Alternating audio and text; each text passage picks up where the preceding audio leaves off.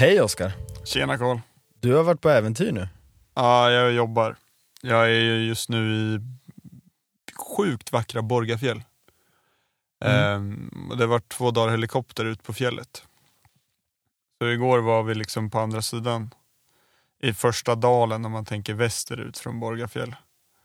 Och så var vi upp på, på kalfjället där, det var riktigt fint. Jag la upp en film på Instagram när jag står och fiskar upp i en sjö.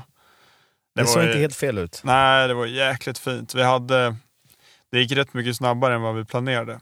Så att vi hade ju bokat helikoptern till klockan sex. Så vi var ju klara vid ja, halv fyra. Så vi hade Mm.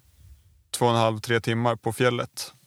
Och jag hade med mig fiskespö så det var ju bara att ställa sig där upp och dra par kast. De andra gick upp och kollade på en topp och åkte lite pulka på en regnjacka ner för en snöslänt. Jag badade också, det var jäkligt skönt alltså. Ja, du är en friluftsmänniska i blodet alltså. Ja men nu vart det. Och sen idag var också, då åkte vi långt. Vi åkte helikopter säkert alltså en halvtimme. Jag har aldrig åkt helikopter. Är det så nice som man kan tro att det är? Ja, det är ju fan nice. Det är häftigt att man kommer så jäkla fort någonstans. Vi åkte typ det. tre, fyra dalar bort. Och det var ju, det var ingen täckning alls, det var ingenting. Det är rätt häftigt att vara så långt bort.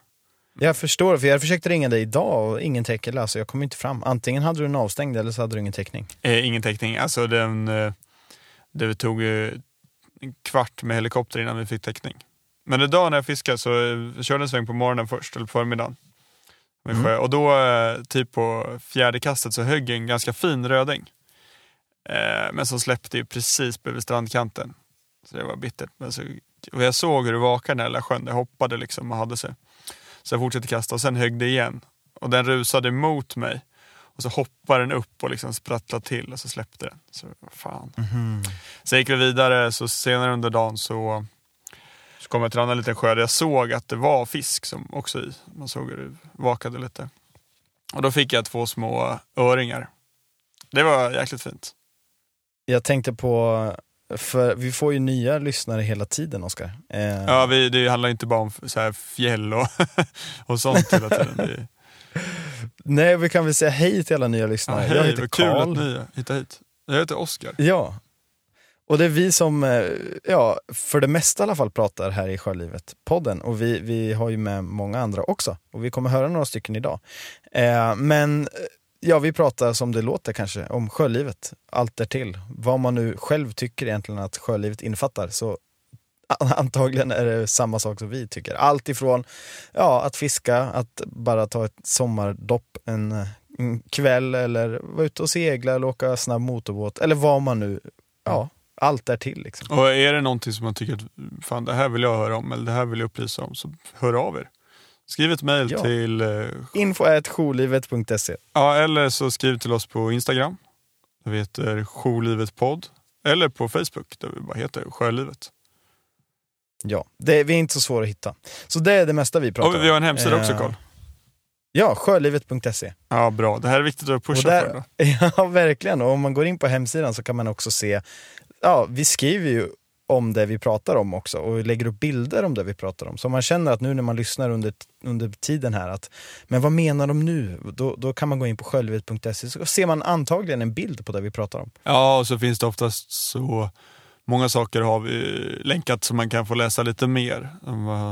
Så man inte bara får höra vår åsikt och sida utav utan man även får höra någon Ja, kan läsa om kanske vad någon annan tycker om samma sak. Ja. Gå lite djupare på saker och ting. Så frågan är Oskar, eh, ska vi gå vidare? Ja, men nu, nu rattar vi igång här. Oskar, innan vi drar igång. Vart är bästa sättet att hitta en plats för sin båt? Det känns som ett Göteborgsskämt. Ingen aning. Köpenhamn. Köpenhamn. Det är där man hittar. jag var där igår, så det var därför jag tänkte på det. vi kör. Ja, det håller nästan.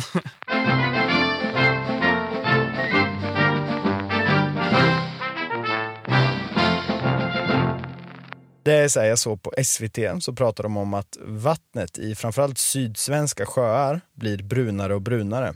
Det blir liksom väldigt dålig vattensikt. Eh, och att det på, på sikt då kan eh, liksom ställa till det i, i vår vattenförsörjning och, och ja, kanske ekosystem och för fiskar och djur och allt annat till.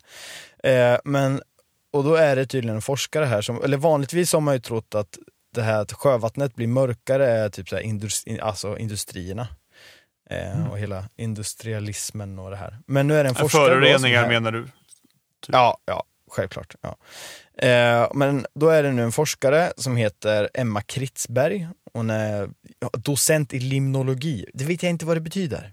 Äh, En limnolog, det är en sån som kan om sjöar och vatten. Och... Enligt henne är det i första hand odlingen av granskog som missfärgat våra sjöar. Kan det stämma du som kan skog? Ja, mängden granskog ökar i landet och framförallt mängden granskog i södra Sverige. Alltså om man ser till eh, volym per hektar. Arealen ökar ju inte med skog. Den har varit väldigt samma sedan typ 1924 så har det varit inte så stor ök, alltså ökad skogsmark. Mm. Men volymen har ju dubblats ungefär sedan dess. Och det är, framför, det är väldigt mycket nere i södra Sverige som en ökad virkesvolym Alltså densiteten på skogen då liksom?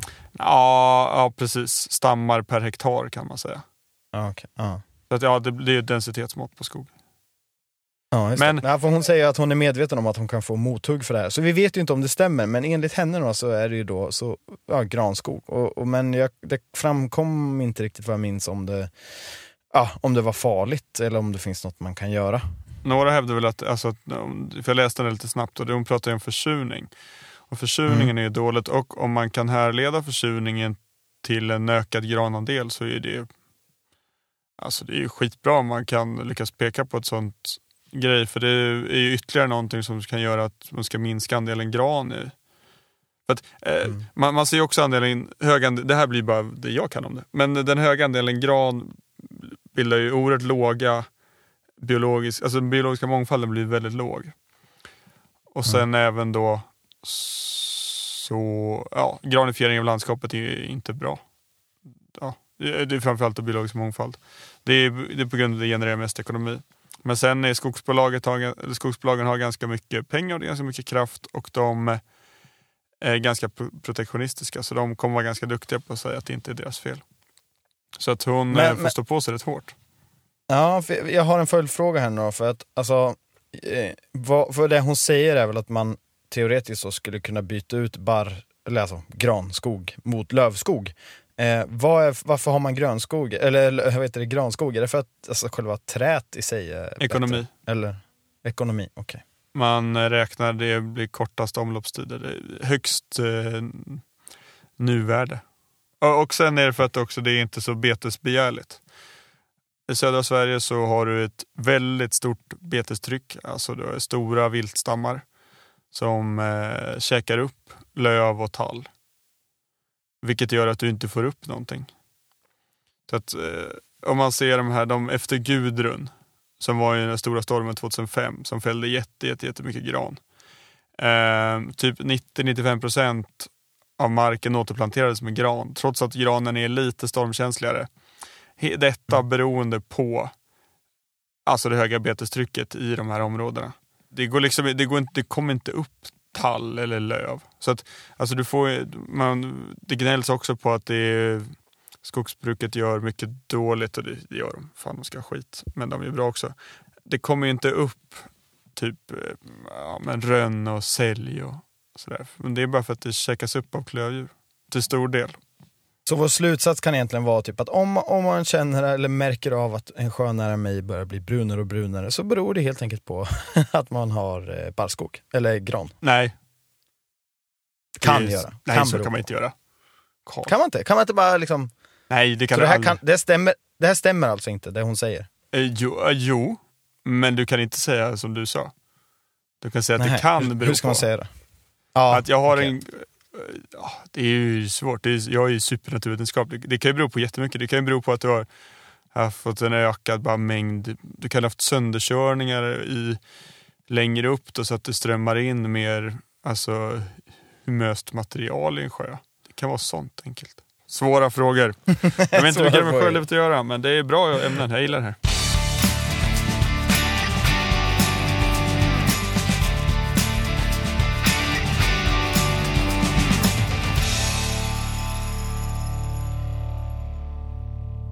Ja, Oskar, för några avsnitt sen så hade vi Glenn och Sören eh, Ja, de podden. vi träffade om. på båtmässan. Ja, eh, och de hade, laddade ju då upp för sin resa då de skulle ro runt Svalbard. Ja, Eh. fett. Vi har ju följt dem, eh, eller jag har i alla fall följt dem, eh, nu i deras uppladdning. De har tränat och rott och haft sig och varit ute på Östersjön. Och... Och nu är de igång. Ja, det, du, de är ju igång. De har stuckit från norra Norge. Ja, de är igång. Så att eh, vill man, om man har, ja, om ni inte har lyssnat på det avsnittet så tycker jag definitivt man kan gå tillbaka några avsnitt och lyssna på ja, Ro runt Svalbard. Jag vet inte vad avsnittet heter men det förstår man antagligen på namnet. Och sen att kan man gå in på rowaroundsvalbard.se. Där kan man följa deras position och så kan man till och med så klick, klicka på eh, positionerna eh, och få bilder och text och lite sådär. Och de har en bra Facebook-sida. Alltså. Exakt. Mm. Row around Svalbard. Och som jag kollade här nu, avsnitt 19. Där kan ni gå tillbaka och lyssna.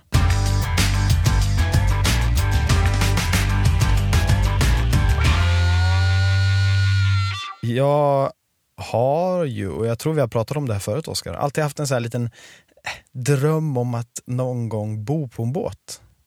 Har du, Ja. känner du igen dig i det? Ja, jag, jag, jag ser verkligen charmen med att bo, liksom att ha en stor riktig båt som är mm, mysig. Typ en skuta med kamil så jag kan elda i båten med skorsten. Och, ja, det vore läckert. Det var så här på, på båtmässan, jag vet inte om du var i närheten då, vi, vi satt ju i vår monter där och pratade med en, en helsike massa härliga människor. Eh, som vi fick träffa och snacka med. Och då kom det förbi en kille som har båt i samma hamn som vi har, i Tegelviken i Motala. Eh, han heter Magnus och han bor ju på sin båt. Så jag passade på att snacka med honom om det här. Han bor på en eh, Beneteau First 47, så det är en stor båt han bor på.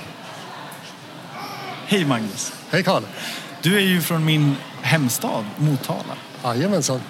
Och vi, vi ska prata om en liten eh, speciell grej. Någonting jag tycker är kul att höra om.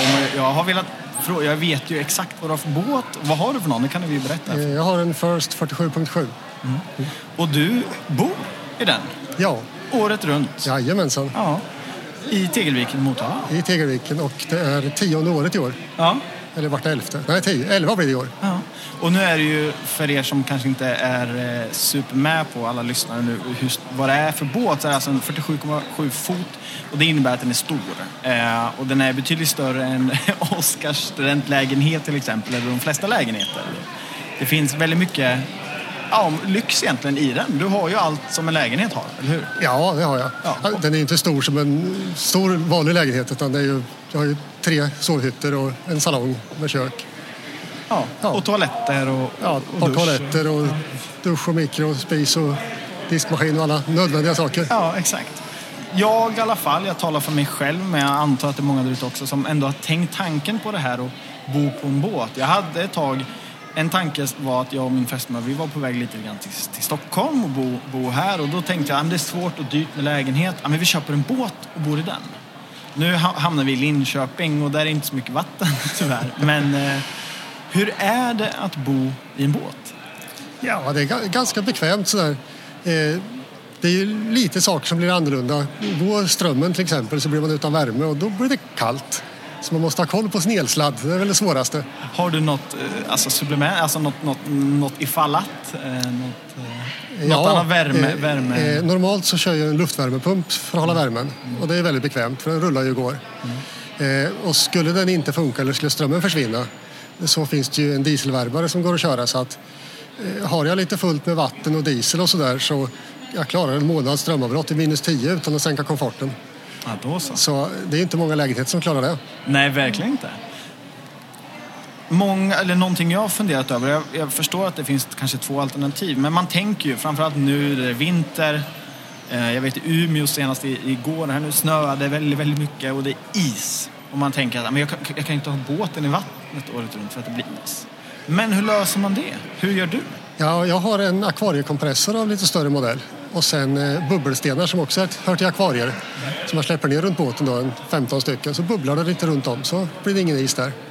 Och, det kanske inte blir så mycket is runt om heller att det blir tryck, att det flyter isen in mot båten någonting eller har du något annat där? Nej, eh, i och med att hamnen är ganska väl skyddad så att det, liksom, det är ingen is som flyttar på sig på det sättet utan eh, isen ligger där tills den sjunker och smälter. Så det är en ganska snäll plats. Ja. Och ändå ligger du längst ut på den bryggan? Nästan ja, i alla fall? Ja, nästan längst ut. Ja. Men, men det är ändå liksom en så stabil pi runt om så att det är ingen fara. Nej. Skönt. Har du några tips då? Om, det är någon lyssnare nu som känner att ah, men, jag, vill, jag vill faktiskt bo i en båt. Vad, om man, man kanske inte har råd med en, med en sån här fin båt som du ändå har. Eh, men vad ska man tänka på? Ja, alltså båtstorlek som jag tänker, ska ha, du ska ha tillräckligt med utrymme. Det får inte vara för smått, du måste kunna stå rak i båten. Eh, däremot, så- alltså man behöver inte ha så mycket vingelutrymme som man tror. Och sen ska man se till att man får värme på ett bra sätt. Jag har den här luftvärmepumpen då, som gör att det inte blir svindyrt att värma upp det. För båtar normalt sett är rätt dåligt isolerade. Så det bör man tänka på. Eh, och sen att man får till vatten och, och blir av med sitt avlopp på ett smidigt sätt. Annars är det liksom inga konstigheter. Nej. Och det är rätt många som bor i sina båtar i Tegelviken. Ja, just nu är det bara tre båtar som är heltidsboende. Okej, men det har varit fler? Ja, det har varit fem tror jag som mest. Det är rätt så populärt. Ja. Men jag har hört lite andra historier som du... Det här är ju hörsägen då, som du har varit med om. Men han som är så himla god och snäll som är i Tegelviken och alltid hjälper till. Vad heter han? Eh, Blomman menar. Exakt, Blomman. Ni hade, för din båt sticker rätt djupt, eller hur? 2, Ja, 2,80-2,90 någonstans, lite beroende på hur mycket. och du hade fått för dig att ta dig ut via Göta kanal. Och den, det är inte alltid så djupt i Göta kanal. Vad är det på grundaste stället? Eh, ja, det, alltså det blir ett spår när man åker där ibland. Du drar i botten liksom. Ja, det är ganska vanligt. Och du sticker ju också rätt så högt jag förstått som. Ja, eh, just Marcus hängde upp i masttoppen första gången vi skulle åka under bron i Norsholm. Och bron är 22 meter på sjökortet och båten är 21,05 plus en 70 cm antenn. Eh, så då, då skickade vi upp Blomgren i masttoppen för att kolla att vi verkligen kom under. Så stannade vi till strax innan. Så ropade vi på honom och frågade, går vi fria? Så, ja, sa han. Ja, hur mycket marginal är det då? Så, ah, jag har ögonkontakt med lastbilschaufförerna.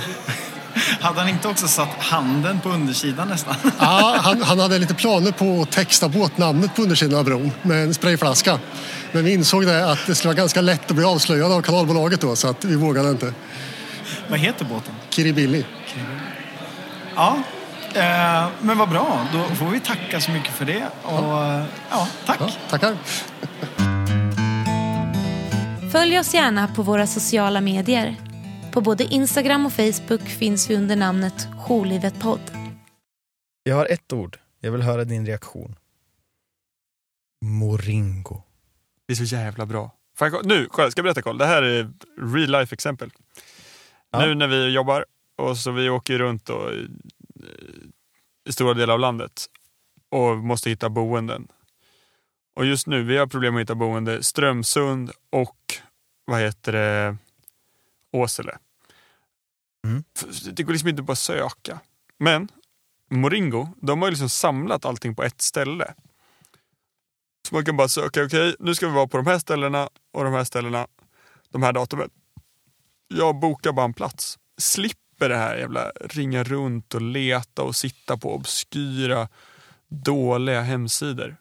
Det är bara en app som bara löser det där problemet som jag har just nu. Det är så himla skönt. Fan vad Moringo är bra.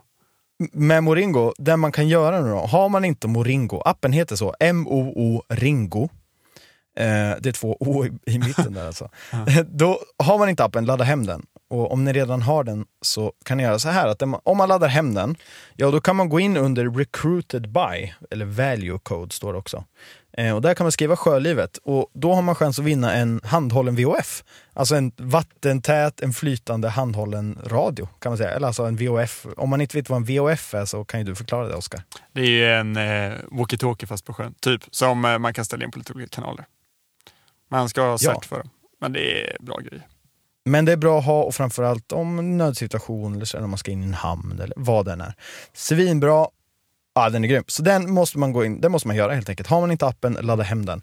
Och Moringo är ju en app som är så mycket mer än det vi hunnit säga just nu. Så gå in och kika på den appen. Man kan hyra båtplatser, man kan hyra ut, man kan gå in på hamnar, kolla fall evenemang, vad som händer, finns det plats och så vidare. Så att ladda hem Moringo, det är, det är den absolut bästa appen för att vara på sjön. Ja, tack Moringo.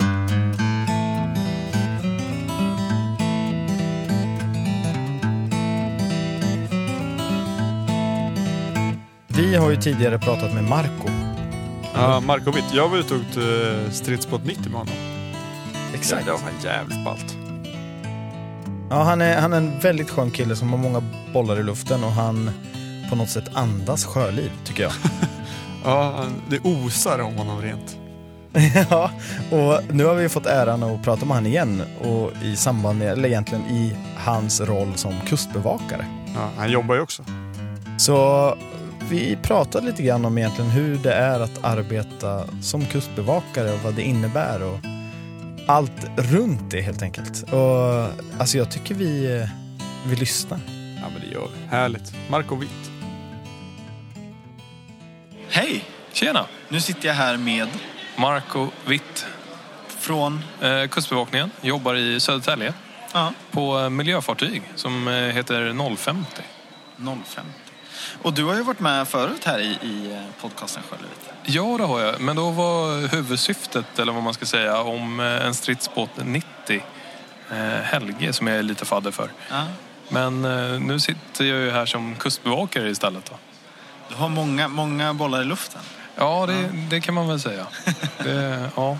Men eh, allting är nästan sjörelaterat. Så. Ja, precis. Det, det, mm, om vi börjar egentligen i, i form av att du är här för Kustbevakningen så vet jag i alla fall från mitt perspektiv, jag tror många lyssnare känner igen sig, att man har ju Förr så gick det tv-program om kustbevakare, det hette väl Kustbevakarna till Ja. och med. Eh, och man har ju någonstans sen man var liten så här känt att shit, jag, jag vill bli kustbevakare. Liksom. Det har alltid funnits någon dröm där någonstans.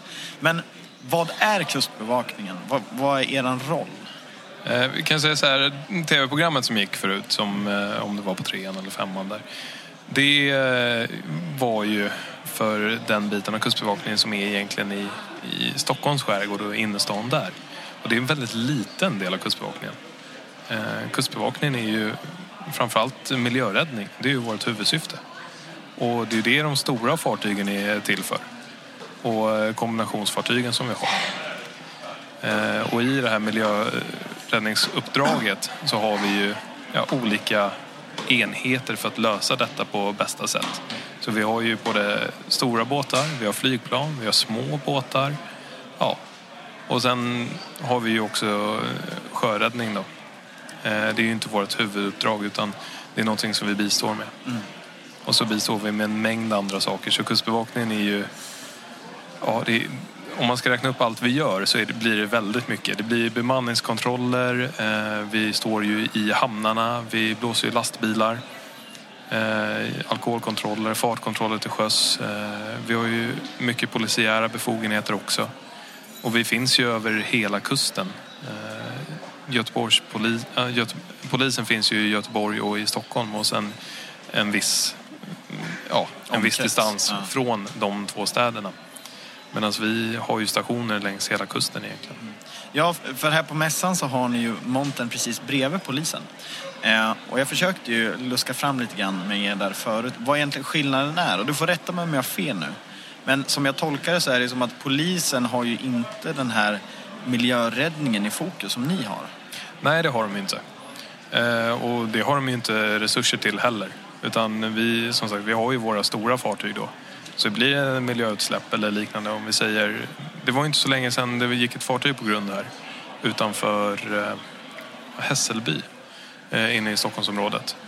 Och då gör ju vi så att vi gör ju en första insats och in dit med en liten båt och sen så tar vi oss dit med en större båt och eh, så gör vi en undersökning av detta fartyg om det behövs lägga länsor runt eller har den gått läck eller vad är det som händer för något. Och länsar är alltså för att behålla olja och, och Exakt. sånt. Runt, eh, gör, ha det på ett begränsat ställe och sen så kan vi ju börja ta upp olja med olika system. Då. Vi har även eh, dykare i Kustbevakningen som går ner på fartyget och tittar hur står det på botten, är det något hål? Eh, hur ser det ut under vattnet? Så vi får en lägesbild av det också. Om vi då går, försöker vandra här lite till att jobba där som kustbevakare. Är ni på samma fartyg hela tiden? För jag, jag har ju förstått att ni har ju allt ifrån liksom små ribbåtar som går riktigt fort till stora miljöfartyg helt enkelt. Ja, vi jobbar ju så mycket på 050 där att vi har ju, vad ska man säga, ett kombinationstänk när det kommer till just... eh, Vi jobbar ju, utgångspunkt är ju Södertälje, men då jobbar vi mycket i Stockholm också. Eh, och på vårt fartyg så har vi en racerbåt, eh, en hydrolift, eh, som vi lyfter ombord då, med kran. Och sen så har vi väldigt ofta en ribbåt med oss och eh, en stridsbåt 90 enkel. Så att vi har en ganska stor flotta vi åker in med. Ja. Och så lägger vi den inne i Stockholm och så jobbar vi ut med småbåtarna. Så använder vi stora fartyg som logement. Samtidigt som vi täcker upp miljöräddningen i Stockholm. Ifall något skulle hända, ja men då kan vi ta allting med oss och sen påbörja en miljöoperation också. Hur många är ni? Eh, Det är lite varierande men eh, vi försöker vara sex stycken på patrullerna. Så vi kan, då känner vi att vi kan jobba på ett bra sätt. Då. Mm. Kul. Ja, Och då egentligen den här frågan, eller återgår ju lite grann till den här drömmen och idén om hur, någonstans hur fantastiskt det ändå är som kustbevakare. Och då är egentligen min fråga, är det så fantastiskt att vara kustbevakare? Ja, alltså, jag- tycker att det är jättekul att vara kustbevakare och nu har ju sista vad heter det, året här så har jag fått jobba mycket utomlands eh, nere i eh, Lesvos. Och det tycker jag har varit helt otroligt. Då. Eh, sen så är det ju många som tänker så här, ja, men man får väl jobba när det är soligt väder och det är fint ute och ja, man, man äter glass till lunch och allting är frid och fröjd. Man får också jobba när det regnar och när det är ganska kallt ute. Svenska sommaren är inte alltid solig. Den är inte alltid varm heller. Men när du var här nere i, vad sa du, Lesbos? Ja. Mm. Vad gjorde ni där? Eh, där så har vi ju, vi har ju ett avtal med, eller vi hjälper ju Frontex där nere. Så då jobbar vi för Frontex, så då är vi x antal kustbevakare på en eh, lite snabbare enhet som är en ribbåt då. Eh, och så är det en grekisk kustbevakare ombord också. Eh, och där är ju uppdraget sjöräddning eh, framför allt då. Det kommer ju de här migrantflottarna som de fyller med personer och så åker de ju över sträckan där. Och det handlar om några sjömil som de ska över. Eh, Men det är väldigt dåliga farkoster. Båtarna, Jag tror, jag tror många av oss har ju, jag hoppas alla har ju sett de här bilderna som har varit där nere. Ja. Och som jag förstått det så har du sökt att åka ner till Libyen. Ja, eh, det, det, sen får vi se hur det går då. För det, det är de stora fartygen som går där. Och eh, jag jobbar inte på de största fartygen utan eh, de kommer nog ta kunnig personal från de fartygen först och främst. Men jag tycker att utlandsmissionerna har varit bland det roligaste jag har gjort. Så att självklart så söker jag mig ner för att kunna komma ner på det fartyget också. Och det känns som att ni gör en verklig, verklig nytta där nere antar jag. Ja, det gör det. det är, jag känner inte att det har varit en dag som har varit dålig när jag har varit där nere, utan det har varit Nej. fantastiskt. Och det känns, ju, det känns ju väldigt bra när man kan hjälpa folk på det sättet. Och man ser ju att de människorna som kommer, de mår inte alltid bra. Eh, Och de kommer i olika förhållanden.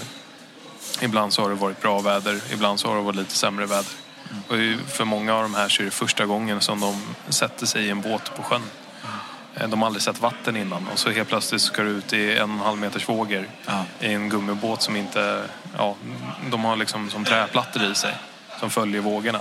Så du blir väldigt lätt sjösjuk i den här. Det är som att ligga i en eh, livflotte ungefär. Ja, Kan jag tänka mig. Att man, eh, man mår rätt dåligt efter någon timme eller två. ja de mår väldigt, väldigt dåligt. Och så nerkylda, ja, så börjar man plocka upp de här och många är ofta, ja, har vätskebrist eller liknande. Så att det, är- ja, här är lite, det är lite småjobbigt ibland så. Och så mycket barn och, har det ju varit också. Häftig, häftig tjänst. Eh, bra jobbat får man säga. Ja, men det, det har varit fruktansvärt kul. Sista gången här så stod jag med, med spya upp till armbågarna. Då blir man lite så här, ja okej, ja, det är bara att kämpa vidare då. Ja. Men det, ja, det är kul. Men om vi då försöker ta oss tillbaka lite till Sverige. Hur, för jag vet min lillebror bland annat, eller min bror som man säger. Han, eh, han vill bli polis och nu är han också inne på att bli, ja inne i armén helt enkelt, i ma- marinen. Och, eh, för han har någon slags plan om att just det här med kustbevakning är, eh, ja eller i polisbåt då, eh, är det han vill göra. Men hur, hur ser en, eh, en dag ut som kustbevakare? Eh, om vi tar en dag nu då, eftersom nu är det ganska kallt och isen ligger då. Nu är vi alltså inne i mars här, början av mars. Ja, exakt. Eh, och vi har ju vårt miljöfartyg 050 och hon kan gå i en viss ismängd. Så vi har gjort så att vi, eh, vi kan till exempel göra så att vi åker ner till Nynäshamn med det fartyget. Då. Så lättar vi från Södertälje. Man handlar upp. Alla hjälps åt att laga mat och fixa ombord och så. Man gör hela båten startklar. Man gör småbåtarna klara ifall det skulle bli en sjöräddning på natten eller liknande. Så åker man iväg med det här fartyget och gör lite underhållsarbeten ombord och liknande. Så kommer man ner till Nynäshamn. Och Då kanske man har ett samarbete med tullen till exempel. Eh, och då eh, jobbar man tillsammans med tull och eh, kanske kollar lastbilar och vad heter det, blåser lastbilar som kommer in och blåser personbilar. Som då åker på de här fartygen. Ja, exakt. Eh, eller har kommit av fartyget också. Vi, är vi inne i hamnområden så har vi också våra befogenheter fortfarande. Så då kan vi göra alkoholkontroller på de här ja, lastbilar. och Så. Eh, och det är väl det som mycket, det blir ju en lugnare verksamhet på vintern. Eh, absolut. Och jag, jag tänker mig, om man, om man alltså som i Sverige så är det ju fyra årstider och det är allt ifrån många, många minusgrader till väldigt varmt och skönt och sommar och sol. Men om man bor till exempel i, i men säg Florida eller något annat soligt ställe så, så verkar det i alla fall, min uppfattning, som att man inte riktigt uppskattar vädret på samma sätt, den här värmen och solen. är det så som kustbevakare, alltså som, som en var, vardagsmänniska, eller man ska säga, vardagsseglare eller vardagsbåtmänniska, så uppskattar man ju de här få veckorna varje sommar som man är på sjön. Alltså det är det bästa man vet. Men är det fortfarande det bästa du vet?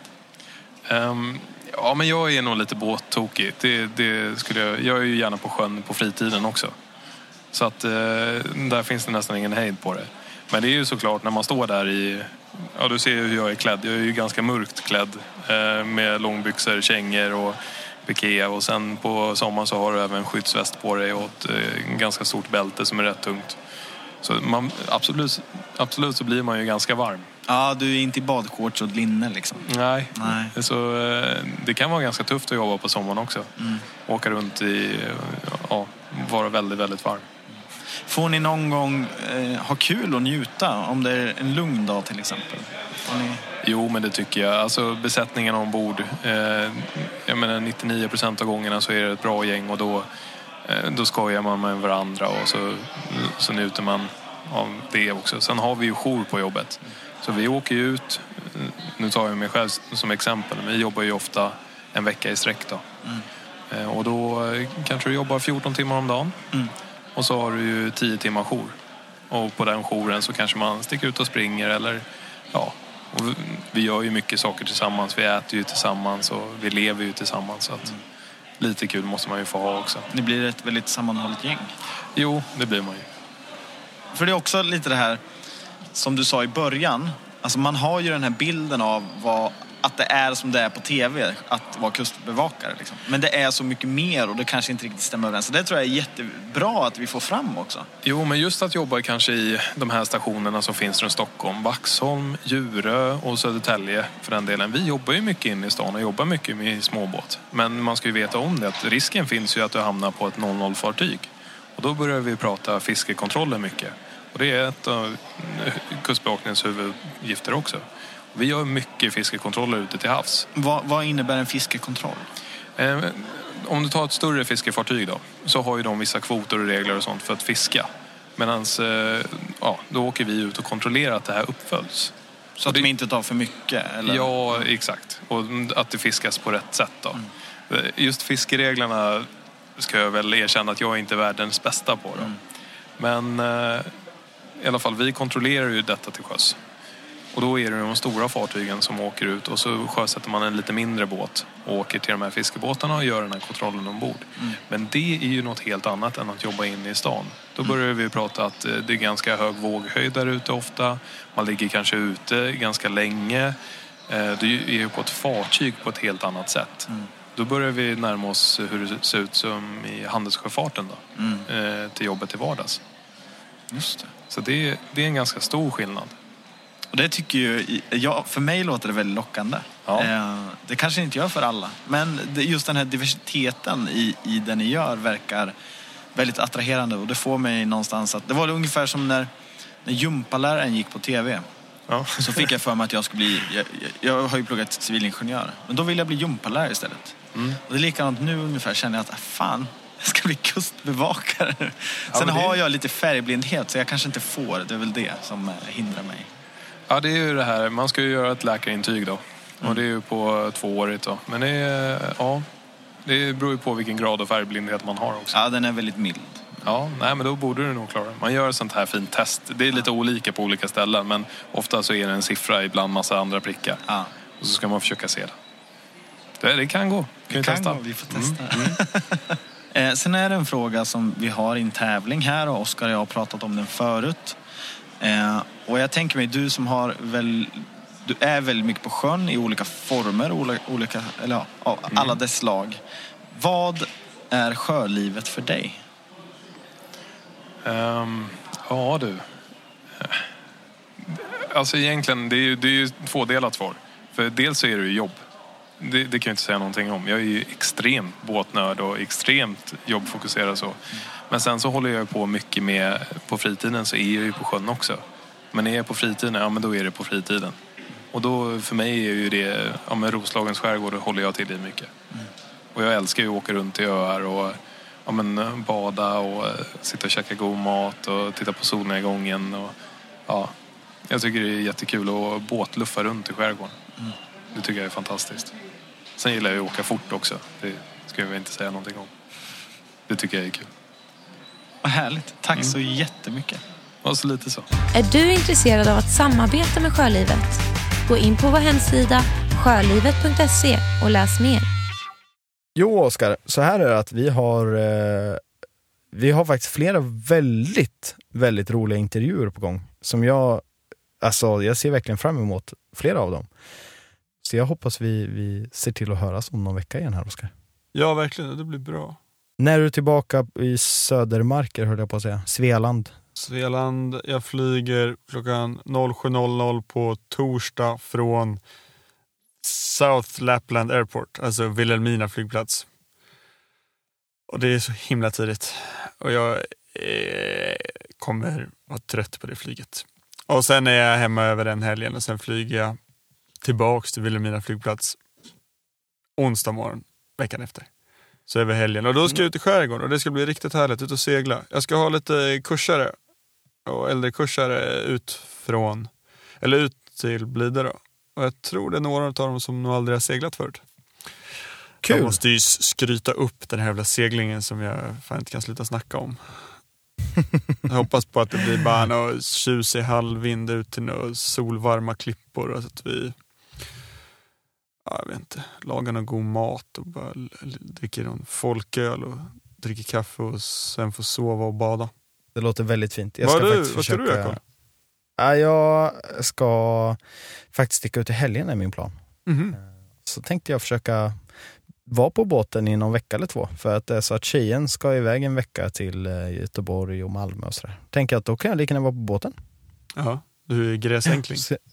Ja, så jag tänker att jag ska väl vara uppe i norra Vättern bland öarna där och, och bara njuta lite grann. Och bara vara. Så mycket det går. Vi har mycket planering för bröllopet här nu, så att det är mycket att göra. Så att det blir Ja. lite så här hattigt hit och dit. Men så mycket jag kan på sjön i alla fall. Men det är inte näst... Det är, två, ja, Det är om är tre lugnt. veckor, tre helger. Det är lugnt. Jag ska få tag i ett sätt att ta mig ner. Vi hinner släppa ett avsnitt till innan det är dags. Ogift Karl. Vuxenpoäng. Du Oskar, sov så himla gott. Ja, det ska jag. Vi hörs och syns Karl. Hej då! Hej då!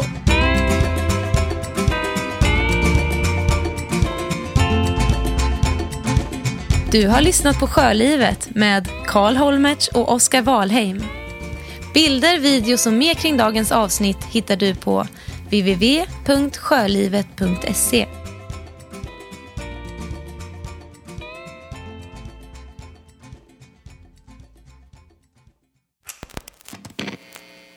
Podcasten produceras i samarbete med Poddbyrån.